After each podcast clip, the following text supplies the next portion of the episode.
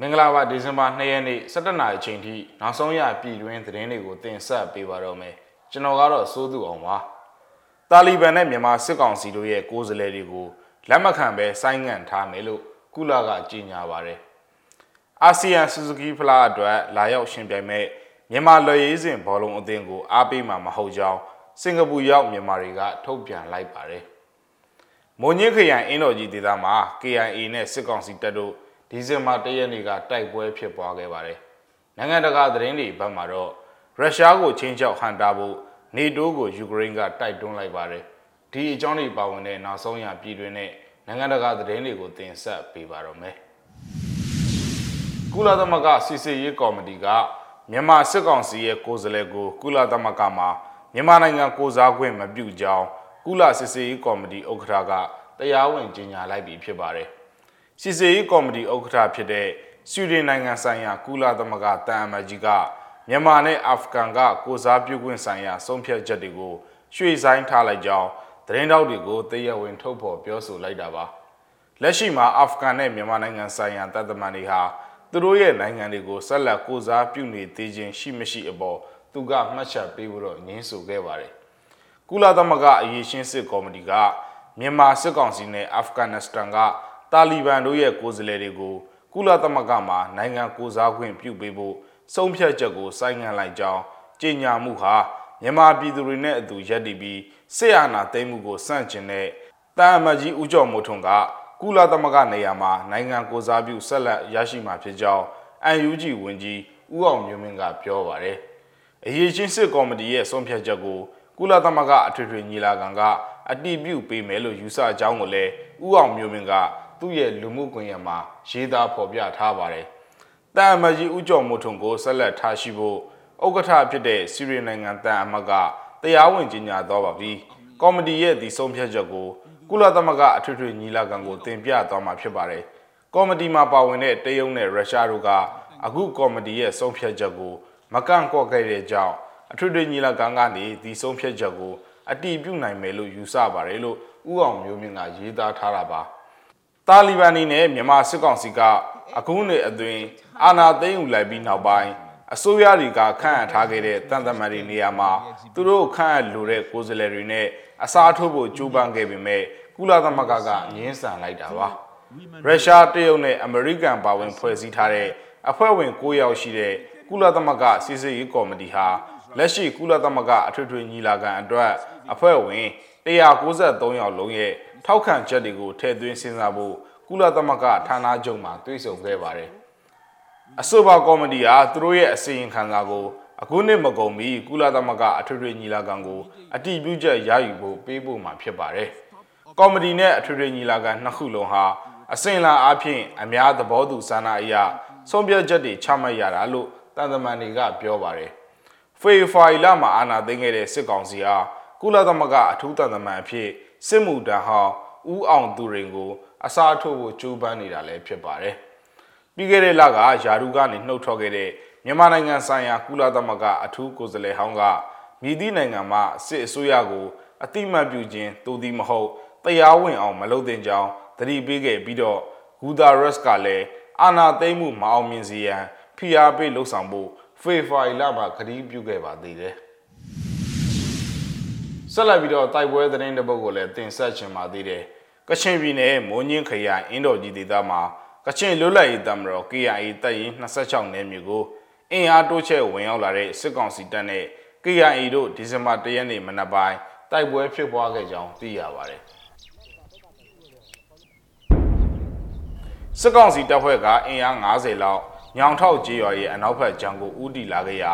KIA တပ်ဖွဲ့ကတိုက်ခိုက်ခဲ့တာလို့ KIA ရှေ့တန်းသတင်းရင်းမြစ်တယောက်က KNG ကိုပြောပါတယ်။တိုက်ပွဲဖြစ်တာမှန်တယ်မနက်6နာရီလောက်ကစဖြစ်တာစစ်ကောင်စီဘက်က KIA ရှိတဲ့ဘက်ကိုစစ်ရေးလှုပ်ရှားလာတယ် KIA ကကြားဖြတ်တိုက်လို့တိုက်ပွဲဖြစ်တဲ့သဘောပါထိခိုက်မှုကတော့တေချာမသိရဘူးလို့သူကပြောပါတယ်အဆိုပါစစ်ကောင်စီတပ်ဖွဲ့ဟာအင်းတော်ကြီးမြို့ညောင်ပင်အုပ်စုဝိလုံကြီးရွာဘက်ကနေခြိတက်လာတဲ့တပ်ဖွဲ့ဖြစ်တယ်လို့လည်းသိရပါတယ်တိုက်ပွဲဖြစ်တဲ့နေရာမှာ နေ့လယ်12နာရီဝန်းကျင်အထိနှစ်ဖက်တပ်တွေလက်နက်ကြီးတွေနဲ့အပြင်းအလှန်ပစ်ခတ်မှုပြုလုပ်ခဲ့ကြောင်းလည်းသိရပါတယ်။ပြီးခဲ့တဲ့နိုဝင်ဘာ25ရက်နေ့ကလည်းစစစ်ကောင်စီတပ်ဖွဲ့က KIA တပ်မဟာ9လက်အောက်ခံတပ်ရင်း26နယ်မြေကိုဂျက်လီရင်နှစ်စီးနဲ့9ကြိမ်ထံမင်းလာရောက်ဘုံကျဲတိုက်ခိုက်ခဲ့ပါသေးတယ်။အာဆီယံစူဇူကီဖလားလာရောက်ရှင်ပြိုင်ဖို့ရှိနေတဲ့မြန်မာလက်ရွေးစင်ဘောလုံးအသင်းကိုအားပေးမှာမဟုတ်ကြောင်း စင်ကာပူရောက်မြန်မာဘောလုံးပြည်သက်တွေကထုတ်ပြန်ကြေညာလိုက်ပါတယ်။စင်ကာပူရောက်မြန်မာပြည်သက်တွေတည်ထောင်ထားတဲ့စာမျက်နှာကနေအခုလိုမျိုးထုတ်ပြန်ခဲ့တာလည်းဖြစ်ပါတယ်။စင်ကာပူနိုင်ငံမှာလာရောက်ရှင်ပြိုင်ခဲ့တဲ့မြန်မာအသင်းပွဲစဉ်တိုင်းကိုအမြဲအားပေးခဲ့ပေမဲ့လက်ရှိဖြစ်ပေါ်နေတဲ့နိုင်ငံရေးအခြေအနေဖက်စစ်စစ်တပ်ရဲ့မတရားအာဏာသိမ်းမှုကိုလက်မခံတာကြောင့်မြန်မာအသင်းကိုပြိုင်တာကန့်ကွက်ကြောင်းမြန်မာအသင်းကိုလည်းအားပေးမှာမဟုတ်ကြောင်းသတင်းထုတ်ပြန်ချက်မှာပါရှိပါတယ်။ စင်ကာပူနိုင်ငံရဲ့အသင်းကျပ်တဲ့ဥပဒေတွေကြောင့်မြန်မာအသင်းရှင်ပြိုင်မဲ့ကွင်းနဲ့သွားပြီးဆန္ဒပြတာမျိုးလည်းလုံးဝမဟုတ်ကြောင်းကွင်းနဲ့မလာခြင်းကပဲဆန္ဒပြမှုတစ်ခုဖြစ်ကြောင်းထုတ်ပြန်ချက်မှာရေးသားထားပါတယ်။အာဆီယံစူဇူကီဖလားပွဲစဉ်တွေကိုစင်ကာပူနိုင်ငံမှာအေရှီအဖြစ်ကျင်းပမှာဖြစ်ပါတယ်။မြန်မာအသင်းကလာမယ့်ဒီဇင်ဘာ9ရက်မှာစင်ကာပူအသင်းဒီဇင်ဘာ10ရက်မှာအရှေ့ဒီမော်ဒီဇင်ဘာ17ရက်မှာထိုင်းဒီဇင်ဘာ18ရက်မှာတော့ ဖိလစ်ပိုင်အသင်းတို့နဲ့အုပ်စုပွဲစဉ်တွေကစားရမှာလည်းဖြစ်ပါတယ်ခင်ဗျာ